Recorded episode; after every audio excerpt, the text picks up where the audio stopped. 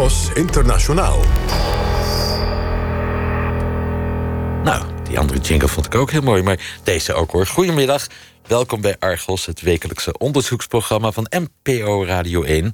U kunt met ons meepraten, de hashtag is Argos Radio 1. Deze zomer gaat Argos over onderzoeksjournalistiek in het buitenland. En vandaag staat Oekraïne in de schijnwerper. Het land van chocoladefabrikanten die president worden, oligarchen die de media in handen hebben en onafhankelijke journalistiek die nog in de kinderschoenen staat. Ik ga erover praten met Eva Kukier, redacteur Oost-Europa bij NRC Handelsblad en in 2015 als freelance journalist werkzaam in Oekraïne. En met Hubert Smeets, oud-correspondent voor dezelfde krant in Moskou en medeoprichter van het kennisplatform Raam op Rusland. Hubert, jij wordt vaak ingehuurd eh, door de media als Ruslanddeskundige, maar ben je ook een Oekraïne-deskundige? Nou, um, Oekraïne is een land van hoe meer je ervan weet, hoe minder je ervan begrijpt. Uh, dus ik zou me geen deskundige willen noemen, maar ik heb zeker sinds 2013 er regelmatig rondgetoefd. En ben er eigenlijk afgelopen vier jaar vaker geweest en langer vooral dan in Rusland. Eva, wanneer was jij voor het laatst in Oekraïne?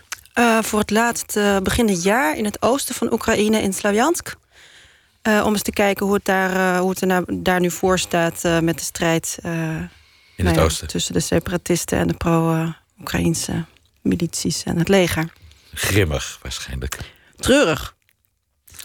Vandaag gaan we het vooral hebben over onderzoeksjournalistiek in dat land.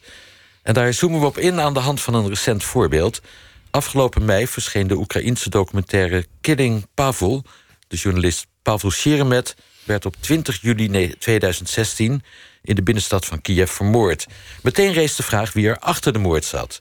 De Oekraïense autoriteiten kondigden een groot onderzoek aan, maar ook een groepje Oekraïense journalisten ging aan de slag met de documentaire Killing Pavel als resultaat. We hebben een in het Nederlands vertaalde samenvatting gemaakt van die documentaire. Luister mee.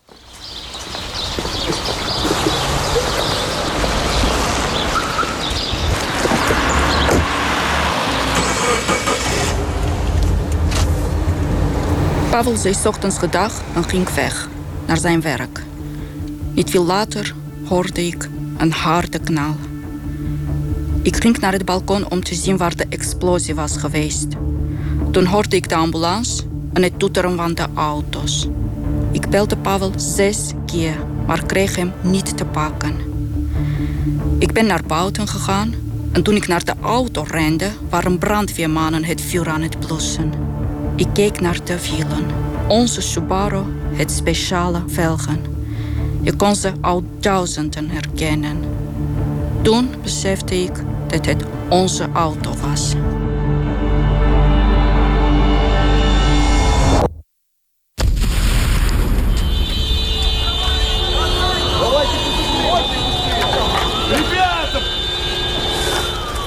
A well known journalist in Ukraine has been killed by a car bomb in the capital Kiev. Pavel Sheremet had just got into the vehicle and started his drive to work. Когда он остановился, увидев, что я стою на главной, собираюсь поворачивать налево, в этот момент произошел взрыв. On July 20 last year, Pavel Sheremet was murdered in downtown Kiev.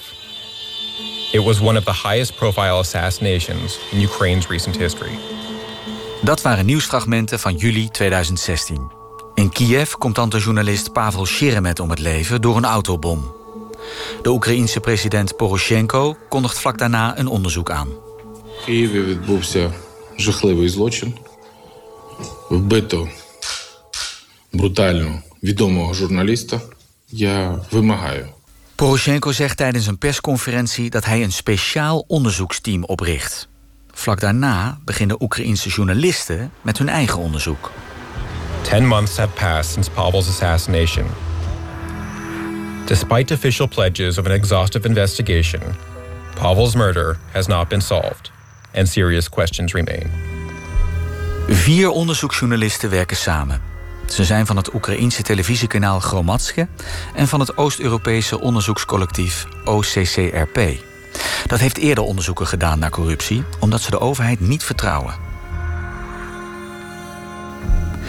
De journalisten beginnen hun speurtocht met het verzamelen van videobeelden. Daarvoor gaan ze alle beveiligingscamera's af die in de buurt van Pavels huis hingen in de nacht voor zijn dood. Twee mensen, een man en een vrouw, blijken in die nacht een bom onder de auto van Pavel te hebben geplaatst. Maar wie was Pavel Sheremet eigenlijk?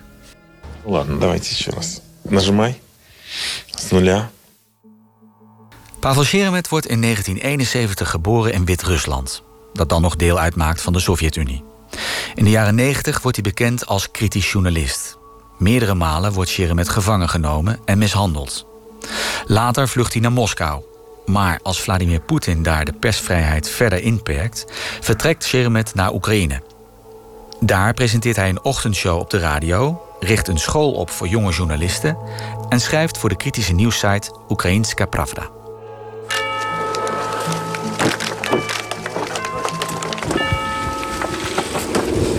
Na zijn dood komt uit het officiële politieonderzoek geen duidelijke verdachte naar voren. Maar na analyse van de verzamelde camerabeelden komen de journalisten een stuk verder. Op die woensdag 20 juli 2016 plaatsen een man en een vrouw midden in de nacht de bom onder de auto van Pavel. Op dat moment stopt er een paar meter verderop een taxi. De man en de vrouw lopen nadat ze de bom hebben geplaatst voorbij de taxi. Maar de taxichauffeur is nooit door de politie gehoord. Die nacht loopt er ook een jongen voorbij die de man en de vrouw recht aan lijken te kijken. De politie heeft hem tijdens het onderzoek tot belangrijke getuige bestempeld en beelden verspreid. Maar daarop is hij alleen van de achterkant te zien. De journalisten vinden ook beelden waarop het gezicht van de jongen te zien is. Beelden waarmee deze getuige misschien opgespoord kan worden. En er is meer. De politie verspreidde na de aanslag een sumier signalement van de man en de vrouw die de bom plaatsten. Maar de journalisten vinden bewakingsbeelden waarop duidelijk te zien is dat ze geen grijze jumpsuits dragen, zoals de autoriteiten melden, maar zwarte truien met capuchons. En de man draagt een jas met een opvallend logo op de rug. Allemaal informatie die de politie heeft gemist. En dan zijn er nog twee verdachte auto's die in Pavelstraat geparkeerd staan. Rond 11 uur 's avonds zijn daar een Mercedes en een grijze Skoda gestopt. De auto's blijven daar vier uur staan, tot vlak nadat de bom is geplaatst. De inzittenden van beide auto's lopen verschillende keren de straat door, richting Pavels appartement en terug. Wat deden die auto's daar? En wie zaten daarin? Timmy, the graphic artist from the Bellingcat Collective, had looked at the footage of the Skoda's license plate. He invited journalists to his home in Germany to examine the results. De Oekraïnse journalisten benaderen de Duitse Timmy van onderzoekscollectief Bellingcat om het kenteken van de grijze Skoda te achterhalen. How many hours did you spend? Hours for 500 frames, I think days. How many days? Two weeks. Two weeks. Timmy is er twee weken mee bezig. Hij maakt van alle camerabeelden waarop het kenteken te zien is een los fotoframe, zo'n 500 in totaal. Die stapelt hij digitaal op elkaar en door met licht, kleur en scherpte te spelen, kan hij uiteindelijk iets onderscheiden. And the result for uh, this process was this picture. We can clearly read AA 2551 M and O. Het kenteken is gevonden. En de journalisten bellen de eigenaresse, Natalia. Алло, Наталя? А, День добрий, мене звати Дмитро Гнап, я журналіст. Нас цікавить автомобіль Шкода Октавія 2551 сірого кольору. Це він на вас зареєстрований, начебто, так? Ничего не могу по этому поводу сказать. У вас е, така машина була колись? Ні, я їжджу вже майже 9 років на Toyota. Eerst ontkent Natalia dat de auto van haar is. Later belt ze terug en vertelt dat een man haar heeft gevraagd de auto op haar naam te zetten. Zijn naam is Igor. De onderzoeksjournalisten sporen Igor op en confronteren hem met de beelden van de beveiligingscamera's. Igor geeft toe dat hij er was, maar zegt dat dat helemaal niet zo vreemd is, want hij was daar vanwege zijn werk. Hij was ingehuurd om een kind te beveiligen, zegt hij. Wat er ook precies is gebeurd, Igor is hoe dan ook een sleutelfiguur in dit verhaal. Hij is of de belangrijkste getuige, omdat hij daar zo lang is geweest en zeer waarschijnlijk de daders heeft gezien, of hij is betrokken bij deze aanslag. Via een geheime bron komen de onderzoeksjournalisten erachter dat Igor voor de Oekraïense veiligheidsdiensten werkt. Hallo. Hallo, pan Igor. Да. Доброго дня, це Анна, журналістка. Ми з вами бачились пару місяців тому, пам'ятаєте? Ну, вы э, с крещением вы хотите меня поздравить. Да, і хочу спитати, чи ви будь-коли Er zijn nog veel vragen over de betrokkenheid van Igor. De journalisten bellen hem om meer duidelijkheid te krijgen. Maar Igor wil niet verder op de details ingaan. Всего доброго. счастливо. Скажіть, чи ви працювали будь-коли в СБУ? Алло? Tien maanden na de moord op Pavel vertoont het officiële onderzoek nog steeds gaten. Ongepubliceerd beeldmateriaal, ongeïdentificeerde getuigen en een man gerelateerd aan de Oekraïense veiligheidsdiensten die op de plaats delict was en nog steeds niet verhoord is. Of het incompetentie is of iets veel ergers, het resultaat blijft hetzelfde.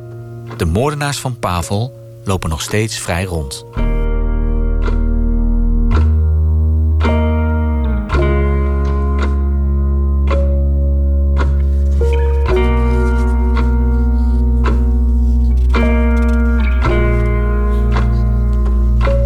Samenvatting dus van de Oekraïense documentaire Killing Pavel.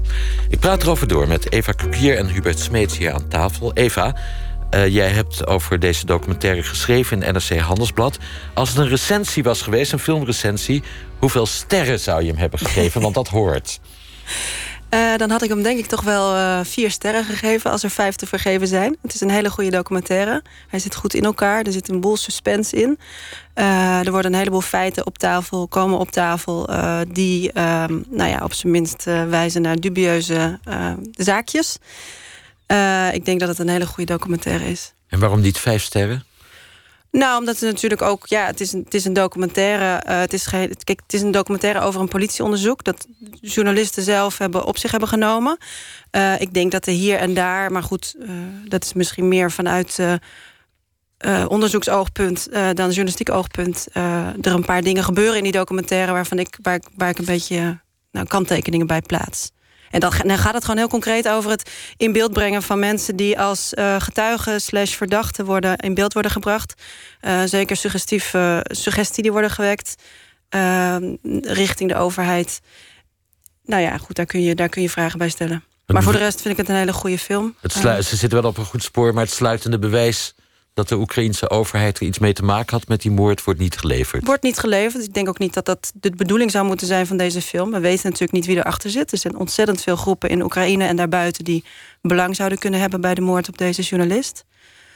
Dus ehm, ik denk ook zeker niet dat we dat is een beetje wishful thinking bijna om te zeggen van we, we missen het eh, laatste eh, refrein in, dit, in, de, in deze film. Nou, ik had het toch bij drie sterren gelaten, denk ik. Maar oké, Hubert, ehm, jij hebt hem ontmoet, Pavel Sheremet. Hij had inderdaad veel vijanden. Schets eens wat voor man het was. Het was een eh, wat rond, rondborstige man, vrij hoekig, een beetje een Slavische klerenkast. Zoals hij eruit zag. Ehm, en hij had zich eh, volledig geëngageerd, zou je kunnen zeggen, met de, eh, de Maidan-beweging. De beweging de, het, van het burgerprotest tegen de voormalige president Janukovic en zijn corrupte familieregime. Dat tussen 2010 en 2014, begin 2014, Oekraïne heeft geregeerd. En pro-Russisch was. nou, dat, is, dat voert te ver om dat te zeggen. Ehm, maar dat, eh, je, zou, je zou kunnen zeggen dat op het laatst... Janukovic zich, zich voor eh, een, een, een, aantal zilverlingen... 15 miljard euro liet omkopen door Poetin... om dat associatieverdrag met Europa niet te tekenen. Toch niet te tekenen, wat hij aanvankelijk wel wilde. En dat is het begin van alle ellende voor hem... en het begin van de Maidan-revolutie van eh 2013, 2014. Pavel Sheremet hoorde heel erg bij die, eh, bij die Maidan... Eh, en hij was een, zou je kunnen zeggen, een van de vele journalisten buiten Oekraïne die naar Kiev gekomen waren om hun werk te doen. Hij is via Moskou gekomen, maar er waren ook heel veel, en daar, in, tot die kring hoorde hij ook. En er zijn nog steeds heel veel Russische journalisten die in Kiev werken. Kisilov, ja, wat zou ik zeggen, de. de ja, de Paul Witteman van Rusland. Die, eh, die werkt nu in Kiev. Uh, Savik Schuster, een eh, voortreffelijke journalist. eh, die, eh, die werkt ook in Kiev. Die zijn allemaal weggegaan uit, Kiev, eh, uit Moskou... waar de grond te heet onder hun voeten werd. En eh Sheremet was daar één, was, was deel van hen. En hij verbond zich volledig met de zaak van de Maidan. Het was dus niet een, een afstandelijke journalist... die deed alsof hij nergens bij hoorde. Hij hoorde gewoon bij de club die eh, Oekraïne eh, op een Europese weg wil ontwikkelen. Wat het niet waarschijnlijk maakt dat hij door de huidige regering van president Poroshenko uit de weg is geruimd. Mm, want die komt voort uit die Maidan-beweging. Ja, eh, dit is ook een hele ingewikkelde vraag.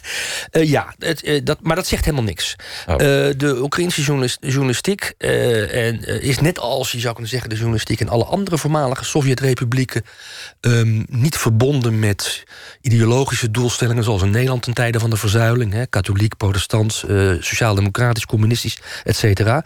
Eh, de Oekraïnse journalis- journalistiek is net als die in de Sovjet-Unie, eh, als die in eh, de post-Sovjet Russische, Rus- Russische eh, tijd van Yeltsin eh, verbonden met zakelijke belangen. Eh, met eh, oligarchen, met eh, bedrijven, met ehm, eh, overheidsinstellingen die weer verbonden zijn met die zakelijke belangen. Eh, en met andere woorden, je weet niet of de kogel van links, van rechts, van boven of van onderen komt. Maar even speculerend. Hij had ruzie met Wit-Rusland, waar hij Zeker. aanvankelijk vandaan kwam, maar nog steeds over berichten. Hij had ruzie met het Rusland van Poetin. Zeker. Hij, hij had vijanden in Oekraïne. Wie kan het geweest zijn? Nou, dan komen we bij dus die, die Igor, eh, die evident een SBU-agent Dat is was, de Oekraïnse is. geheime dienst. Dat is de eh, Oekraïnse geheime dienst. Maar zelfs dan weet je niet of eh, die Igor geopereerd heeft... in opdracht van een SBU... eh, meerdere dan wel eh, in opdracht eh, van andere, je zou kunnen zeggen, buiten de Oekraïne of buiten de, de SBU opererende belangengroepen. Dat komt omdat de SBU eigenlijk tot 2014, je zou kunnen zeggen, een filiaal was van de Russische geheime dienst FSB. Net als de Oekraïnse krijgsmacht. Dus met andere woorden, de SBU moest vanaf 2014, vanaf de Maidan, helemaal worden gezuiverd van binnenuit.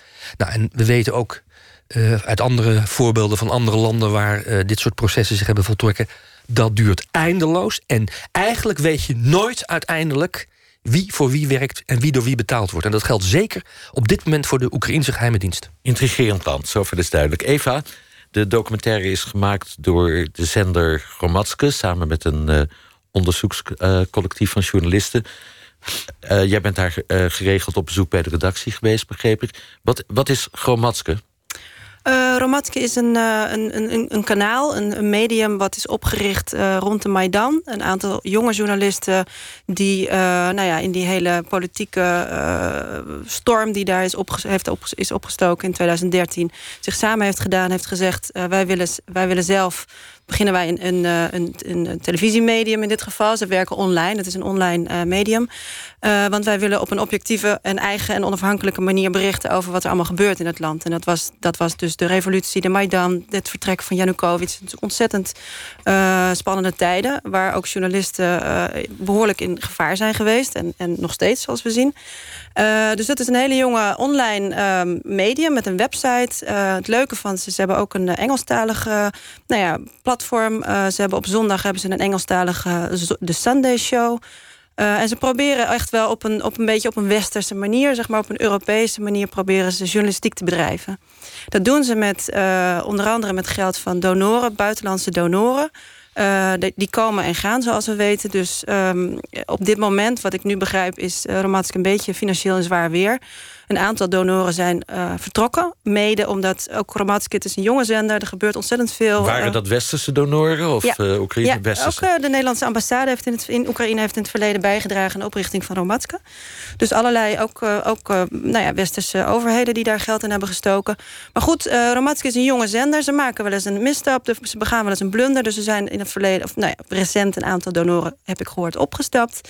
Uh, en dat maakt dat Romatske niet alleen zeg maar, een puur journalistiek medium is, maar ook een beetje een NGO die permanent op zoek moet naar fondsen, fundraising en dat journalisten dubbele petten op hebben. Dus ze zijn en journalist, maar ze zijn ook manager, ze zijn ook uh, fundra fondsenwerver. Uh, ze moeten de hele tijd op reis om overal met politici te spreken in, het, in, het, in andere landen. Dus dus het is een hele jonge zender die uh, echt wel heel erg uh, moeite moet doen om te bestaan. Argos-redacteur Meike van Roosmalen die belde met een van de makers van de documentaire Killing Pavel, Anna Babinec.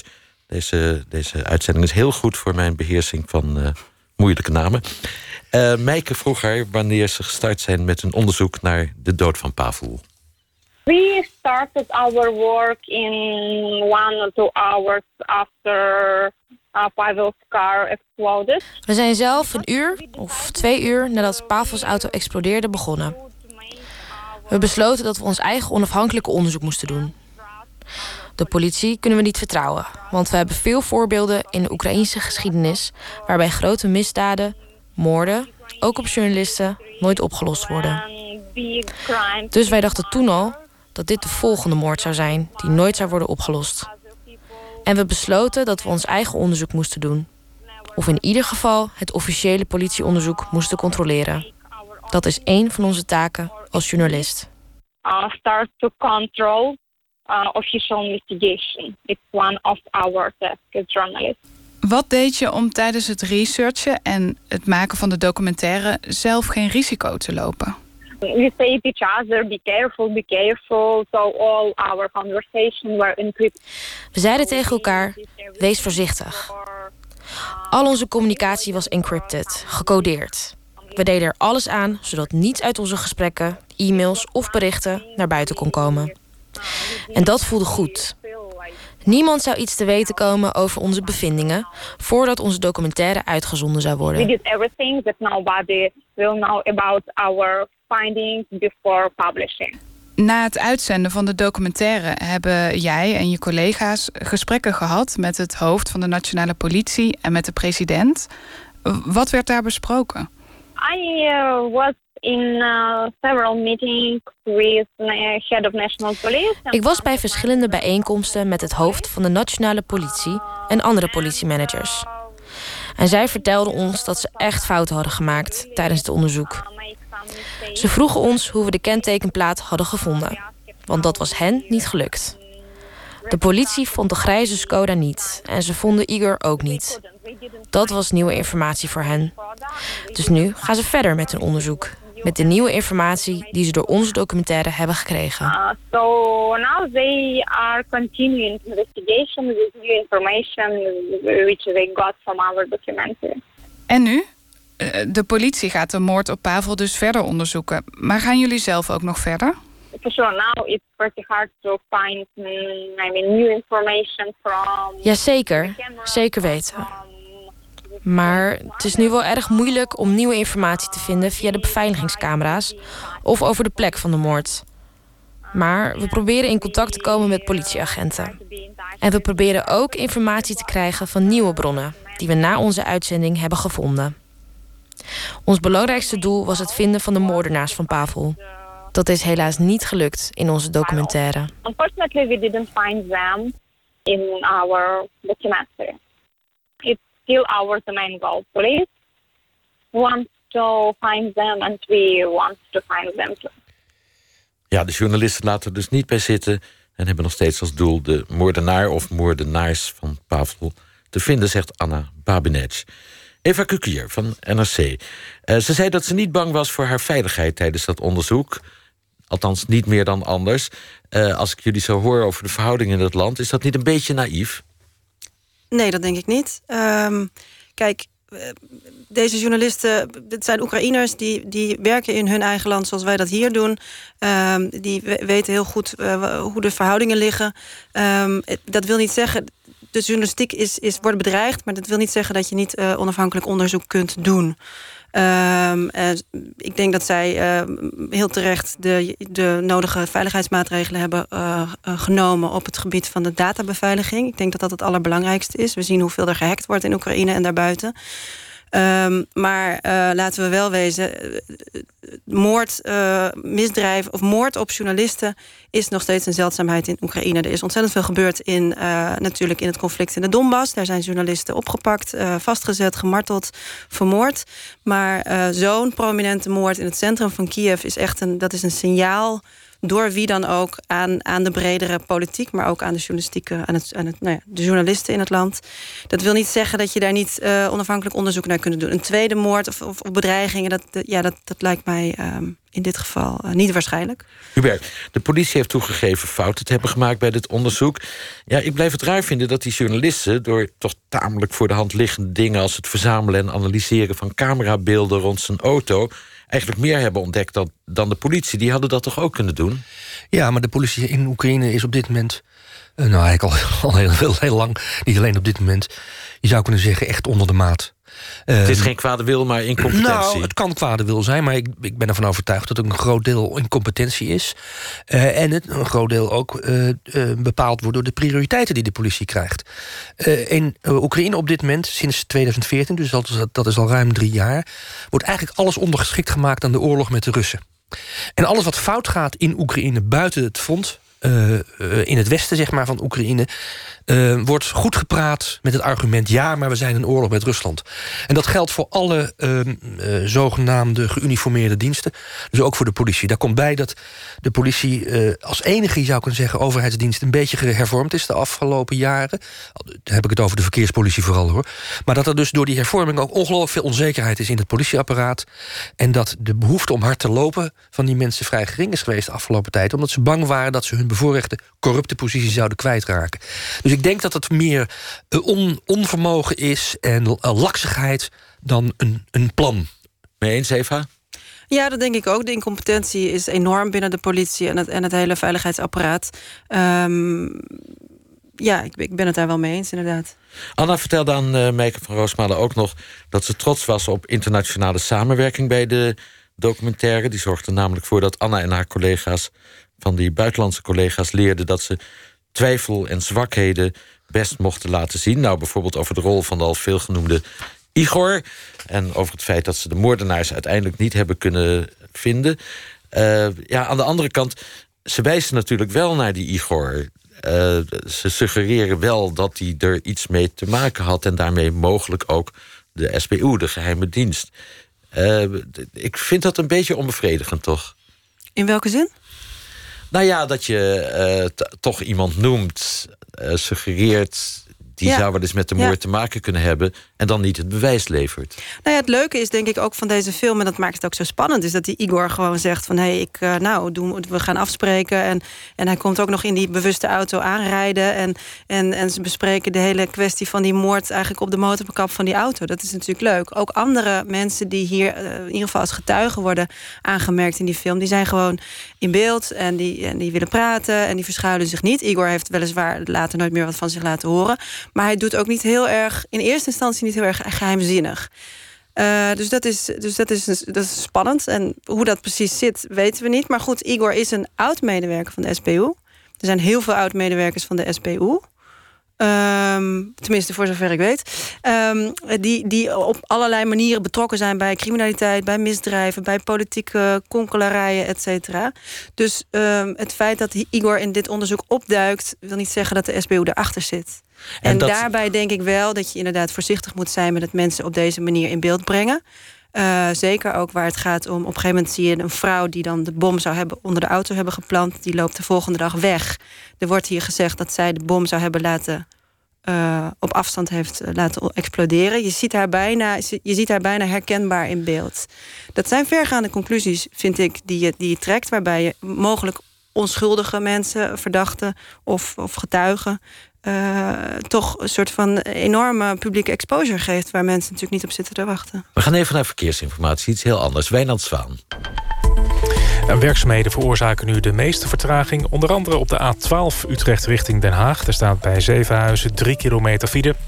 Het verkeer moet daar omrijden via Rotterdam over de A20 en de A13. Verder is wat eh, extra oponthoud op de A1 van Amsterdam naar Amersfoort. 6 kilometer file voor de afrit Bunschoten. En op de A12 Duitse grens richting Arnhem bij Duiven nog 9 kilometer. De nasleep van een ongeluk, maar de rijbaan is daar weer vrij. U luistert naar Argos Internationaal en deze aflevering is gewijd aan Oekraïne. Ik eh, spreek daarover met Eva Kukier en Hubert Smeets. We gaan eh, straks het hebben over de staat van de onderzoeksjournalistiek in Oekraïne. Maar eh, even muziek ook. We hebben jullie allebei gevraagd welke passende muziek we bij dit onderwerp moesten draaien. En jullie kwamen allebei aanzetten met dezelfde band. Hubert, wie zijn het? Ogie en Elsie. Elsa's Oceaan. De, ja, de Oceaan van Elsie. Elsa. Een band uit Lviv. Lvov op zijn Russisch, uh, Lemberg uh, op zijn Duits, in het westen van Oekraïne. Uh, het is een, de grootste band van Oekraïne. ze spelen stadions met tienduizenden mensen moeiteloos vol.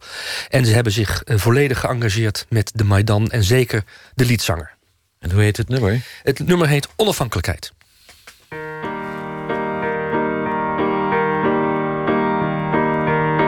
Одна в моїй кімнаті нема куди тікати, І їй напевно не поможуть навіть танки і гармати. Моя маленька незалежність.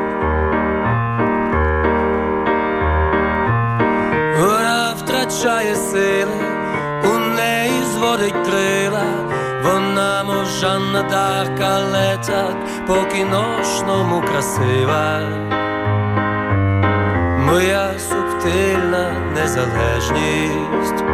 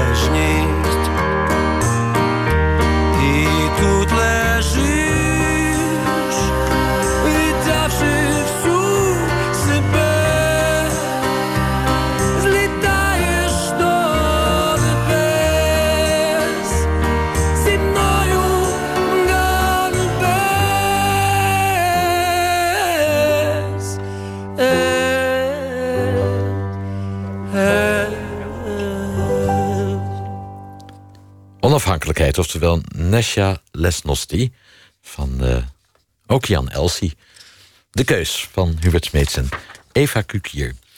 We hebben net een voorbeeld besproken van onderzoeksjournalistiek in Oekraïne. Mijn vraag is: kun je eigenlijk wel kritische en onafhankelijke journalistiek bedrijven in een land waar zoveel oorlog en zoveel conflicten zijn? Hubert, hoe staat het eigenlijk met het conflict op dit moment? Uh, het conflict in het oosten van Oekraïne. Ja?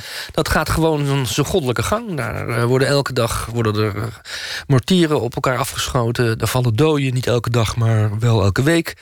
Um, er is een grijs gebied uh, tussen de frontlinies waar mensen buitengewoon slechte omstandigheden, maar daar weet Eva veel meer van dan ik, uh, moeten leven. Uh, hongerlijden, tekort aan medicijnen, et cetera.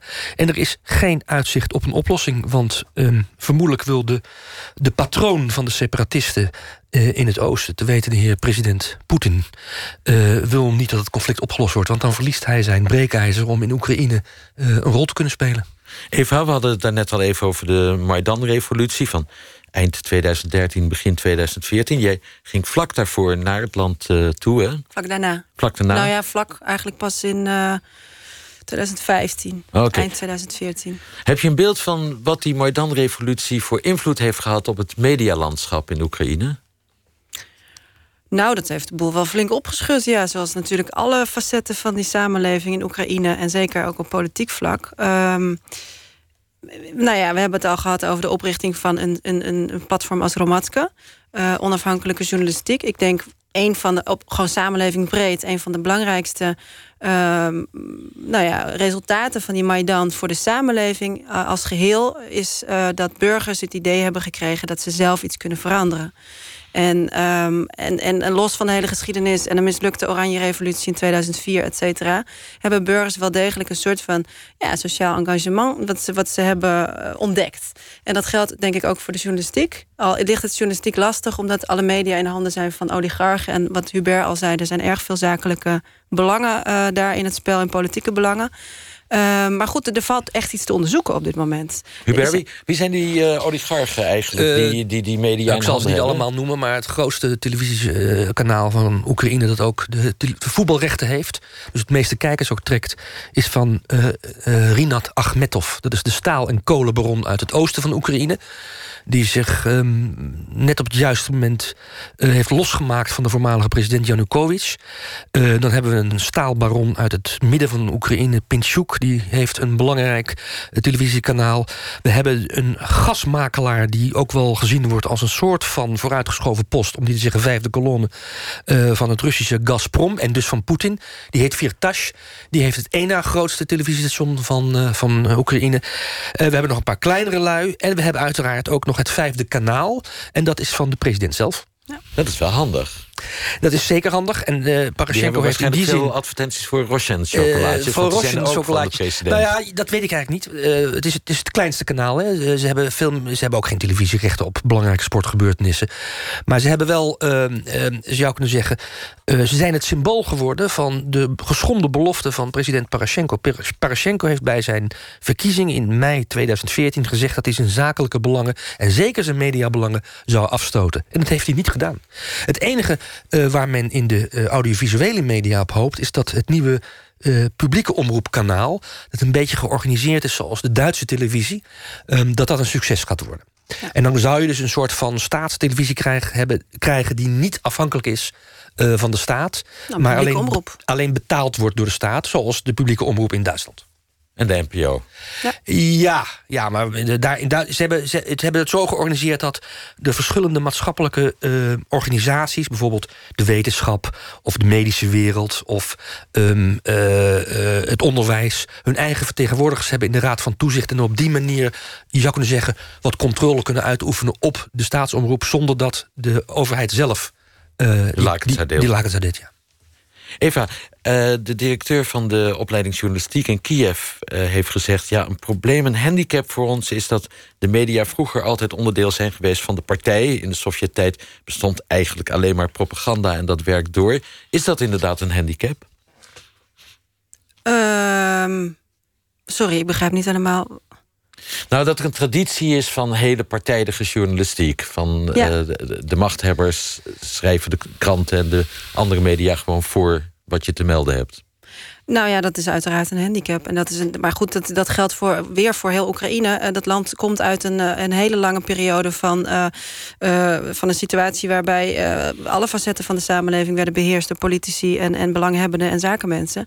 En dat, dat veeg je niet zomaar van tafel. Dat, dat is een heel lang proces. En wat Hubert net al zei, de, de opbouw van de publieke omroep is wel degelijk, denk ik, een hele belangrijke en ook echt wezenlijke hervorming waar de, waar de overheid ook achter staat. Kijk, dat is ook het probleem in Oekraïne is dat niet alles is zwart-wit. De overheid doet ook heel veel dingen die, die wel goed zijn. Er worden hervormingen doorgeprobeerd, in ieder geval uh, belangrijke hervormingen door te voeren op allerlei vlakken. Uh, er worden wetten worden uh, verbeterd, nieuwe wetten worden ingevoerd. er is heel veel vooruitgang, maar het gaat gewoon heel erg langzaam. Daarbij zijn er ook altijd weer stappen terug. Uh, in de journalistiek geldt dat ook. En ik denk inderdaad, zolang Poroshenko niet afstand doet van zijn eigen belangen in de media, zolang hij zelf niet het goede voorbeeld geeft en andere oligarchen, nou ja, misschien met zachte hand dwingt om hun belangen op te geven, uh, denk ik dat het voorlopig gewoon niet, niet heel erg ja, positief eruit ziet. Hubert, je kunt het natuurlijk ook zeggen, een uh, medialandschap dat beheerst wordt door oligarchen kan ook heel goed pluriform zijn, bijvoorbeeld, omdat iedere oligarch zijn journalisten wel toestemming geeft, heel kritisch over de andere, oligarchen Nee, maar dat maakt, dat maakt het medialandschap in de Oekraïne ook wezenlijk anders dan het medialandschap in bijvoorbeeld Rusland. Ja. In Rusland komen eigenlijk uiteindelijk alle lijnen samen in het Kremlin. Dat is een soort van autoritaire democratie in Rusland. Uh, maar die wordt uh, volledig gedomineerd door het Kremlin en alles wat daarmee te maken heeft. In Oekraïne zou je kunnen zeggen, is er sprake van een pluriforme uh, autoritaire democratie. En dat betekent dat je, als je alles bij elkaar optelt, dan kom je toch kan je een redelijk beeld krijgen. Alleen het vervelende is, je weet nooit waarom een journalist... waarom een televisiezender of een krant iets schrijft. Uiteindelijk moet je je altijd afvragen... Ehm, conform het Russische spreekwoord... wie betaalt, bestelt de muziek. Wie, wiens brood men eet, wiens woord men spreekt. En dat moet je daar altijd afvragen. Je moet altijd denken van... Ehm, wat beoogt die en die journalist, wat beoogt dat en dat kanaal... en uh, van, wie zijn, van wie zijn ze en wie betaalt dit, kanaal. En dat maakt het wel lastig voor de consument om, uh, om de, het nieuws daar goed te volgen. Nou, daar allemaal bovenop komt nog eens die oorlogssituatie in het oosten van het land. Uh, maakt dat het moeilijker voor onafhankelijke journalisten om kritisch te zijn? Absoluut. Um, het is eigenlijk een verboden onderwerp. Je mag in Oekraïne, en dat is ook begrijpelijk, want ze zijn in oorlog in Oekraïne. Uh, je kan eigenlijk geen serieuze kanttekeningen plaatsen bij, de, uh, bij onderwerpen die aan de oorlogssituatie raken. Uh, en dat betekent dat je, als je dat wel doet, al heel snel in conflict komt met de president, met de minister van Defensie, met de minister van uh, Politiezaken. En, uh, en, dat, en zij bepalen, die autoriteiten, wanneer een onderwerp te maken heeft met de oorlog. De oorlog overheerst alles en je zou kunnen zeggen, ondermijnt dus ook het kritisch bewustzijn van, van de burger en dus ook van de journalisten. Eva, hoe snel word je voor landverraden uitgemaakt? Of kun je het verwijt krijgen niet patriotisch genoeg te zijn... als je kritisch snel. over die oorlog schrijft?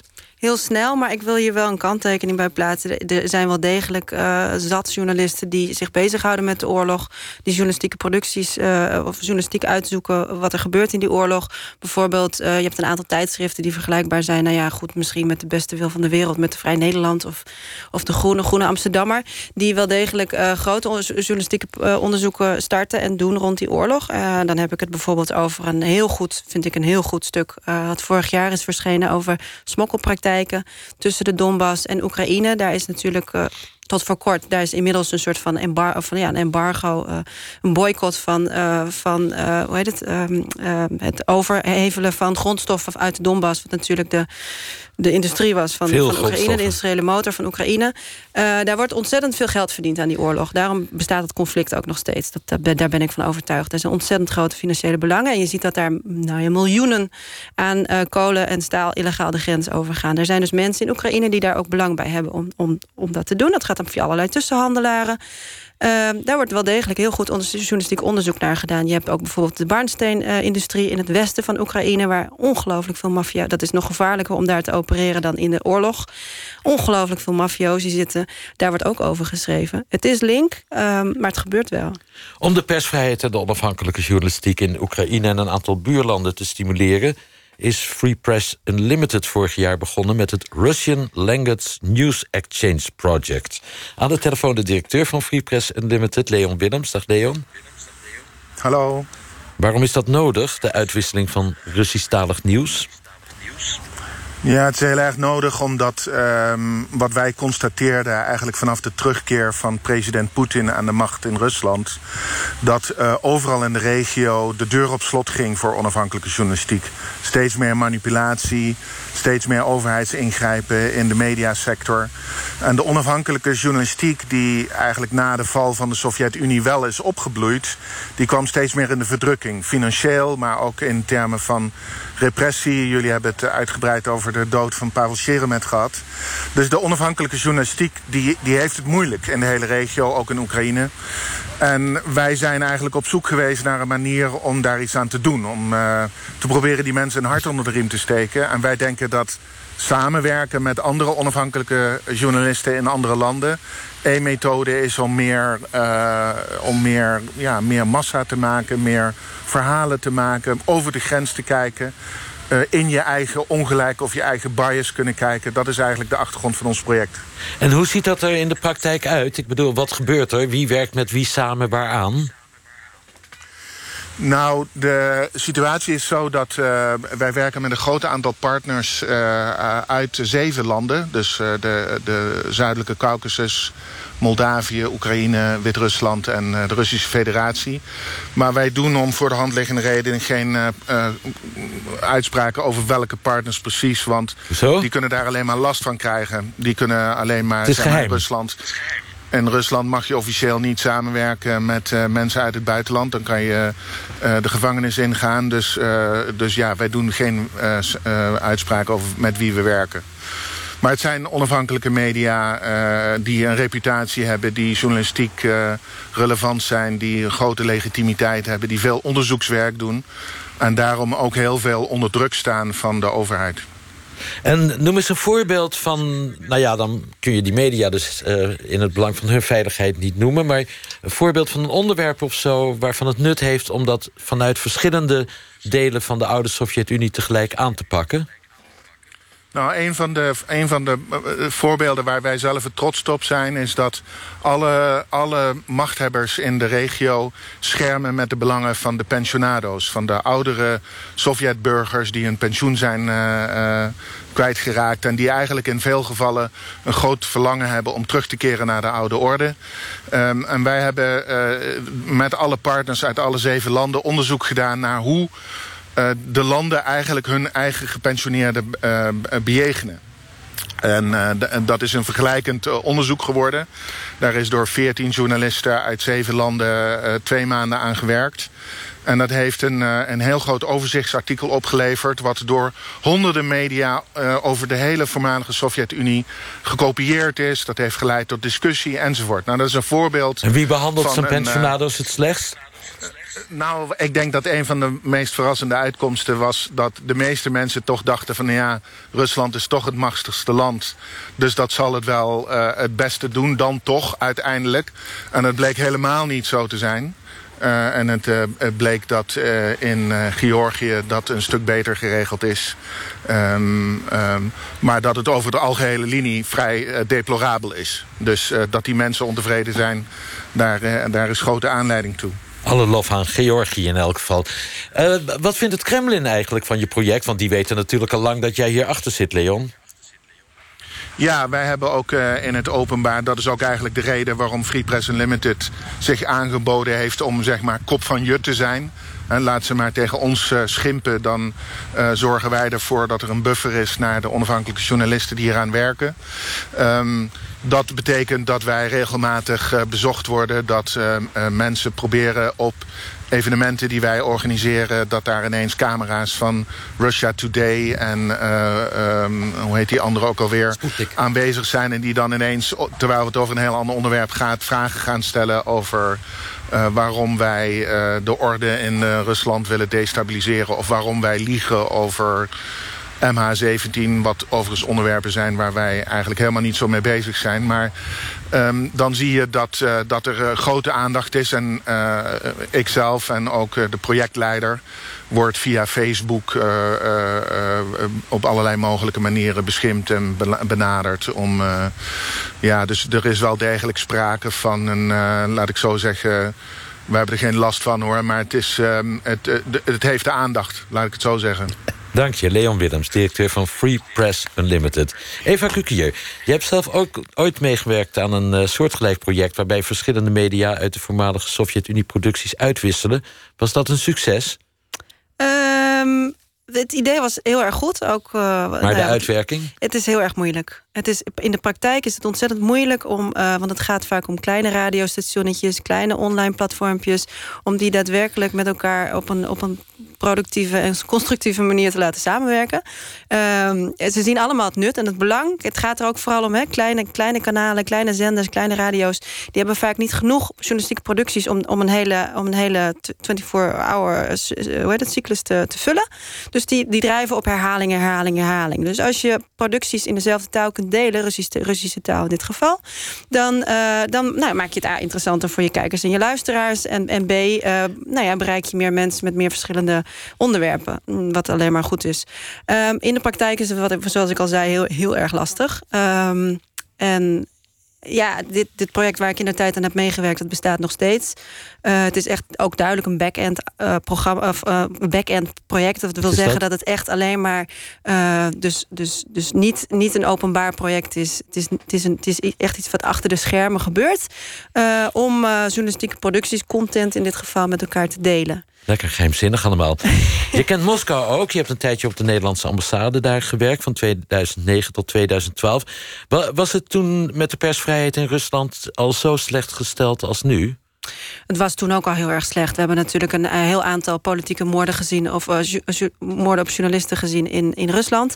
Zeker bij de kritische krant Novaya Gazeta, die is altijd de klos. Dat, dat gaat nog steeds door. Maar het was nog wel een beetje een periode... net zeg maar voordat het berg afging met Rusland. De herverkiezing van Poetin. Er waren enorme demonstraties in Moskou. naar aanleiding van de verkiezingen... mensen echt massaal de straat op zijn gegaan. Het was nog een beetje een periode van soort van hoop... dat het kan nog goed komen. En daarna zijn eigenlijk alle deuren dichtgegaan. Na 2012 is, er gewoon, is het echt misgegaan. misgegaan. Hubert, jij, jij was veel eerder in Moskou, namelijk in de wilde jaren 90, van 1990 tot 1994. Hoe was het toen met die persvrijheid? Toen was de persvrijheid, je zou kunnen zeggen, van een uh, ontroerende naïviteit. Het enthousiasme was immens. Een buitenlandse journalist kwam overal binnen. Uh, er was geen, uh, geen enkel probleem om het Kremlin uh, te betreden... en daar tussen de middag in het restaurant van de opperste Sovjet... een boterhammetje met caviar te eten... en dan vervolgens met iedereen te praten. Het leek er wel op alsof, alsof de openheid um, um, ja, onbeperkt was. En dat leidde tot ja, je zou kunnen zeggen, tot voor ons buitenlandse journalisten tot een soort van Eldorado. We hadden geen enkele dreiging, we voelden geen enkele beperking. Uh, de journalistiek in Rusland was toen uh, naïef, wel enthousiast, maar vooral ook naïef. en had, de journalistiek had eigenlijk niet helemaal door dat je ook je moest houden aan een aantal regels. De, dat, dat niet alleen maar van belang was dat je aan de goede kant stond. Uh, bijvoorbeeld exact um, 26 jaar geleden vandaag... Hè, is er een staatsgreep gepleegd in de Sovjet-Unie... die mislukte. Het begin van het einde van de Sovjet-Unie, 19 augustus 1991. Als je dan maar aan de goede kant stond, aan de kant van Yeltsin... dat je dan uh, je voor de rest van je leven als een rustig als een journalist kon doorrommelen. Nee, uh, dat was al de sfeer, maar zo bleek het al snel niet te zijn... omdat ook daar in Rusland de oligarchen greep kregen op de journalistiek... en ook toen trouwens in Rusland in de jaren negentig... er vrij veel zakelijke moorden zijn gepleegd. Ook in het journalistieke milieu. Of wat daar mee te maken had. Het commercieel journalistieke milieu. En dat is denk ik wel helemaal anders nu. Is er zoiets als een uh, lange arm van het Kremlin, van Poetin... in, in, in de andere oude deelrepublieken, oh. bijvoorbeeld in Oekraïne? Oh, zeker. Uh, uh, Russia Today, Leon Willemsen noemde het al. Sputnik, uh, dat zijn vooral zenders die gericht zijn op, op het westerse publiek, zou je kunnen zeggen. maar de lange arm van het Kremlin die voltrekt zich um, via uh, vage financiering. In Oekraïne, in Wit-Rusland, in Moldavië, in Georgië, zeker ook in de Baltische landen. En voltrekt zich via de kerk. Onderschat niet dat de Russisch-Orthodoxe kerk uh, vanuit Moskou wordt aangestuurd. En dat die Russisch-Orthodoxe kerk heel veel gelovigen heeft in grote delen van de voormalige Sovjet-Unie, ook buiten Rusland. En die Russisch-Orthodoxe kerk, zou je kunnen zeggen, is het, is het, is het is de kern van, zoals het in Rusland heet, de Russische wereld. En de Russische wereld uh, strekt zich uit tot iedereen die Russisch is. Uh, jij en ik kunnen ook Russisch zijn. Als wij ons Russisch voelen, als we Russisch spreken en denken en dromen. Voor me heel Russisch. Ja, ik droom, precies. En als wij, en als wij de, de, de kerstening van Rusland in 1988 ook als een van de allerbelangrijkste momenten uit de geschiedenis ervaren. Oh, zeker. Ja, dan ben jij dus ook Russisch. En dan uh, ben je ook deel van die Russische wereld. En dan uh, kan je via de kerk ook be bevrijd worden van het westerse imperialisme, om maar even zo te zeggen. En daar speelt die kerk een grote rol in. En dat is een belangrijk instrument, omdat de kerk ogenschijnlijk niet politiek is.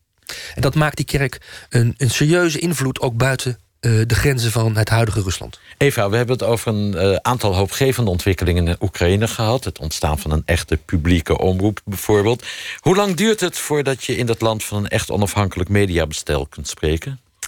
Oef, dat is een hele moeilijke vraag. Ik denk dat ik die ook niet ga beantwoorden. Maar ik denk uh, dat het nog heel lang gaat duren. Ik denk dat het samenhangt ook met de politieke ontwikkelingen... de verkiezingen van volgend jaar, de, nou ja, de situatie in het oosten van Oekraïne.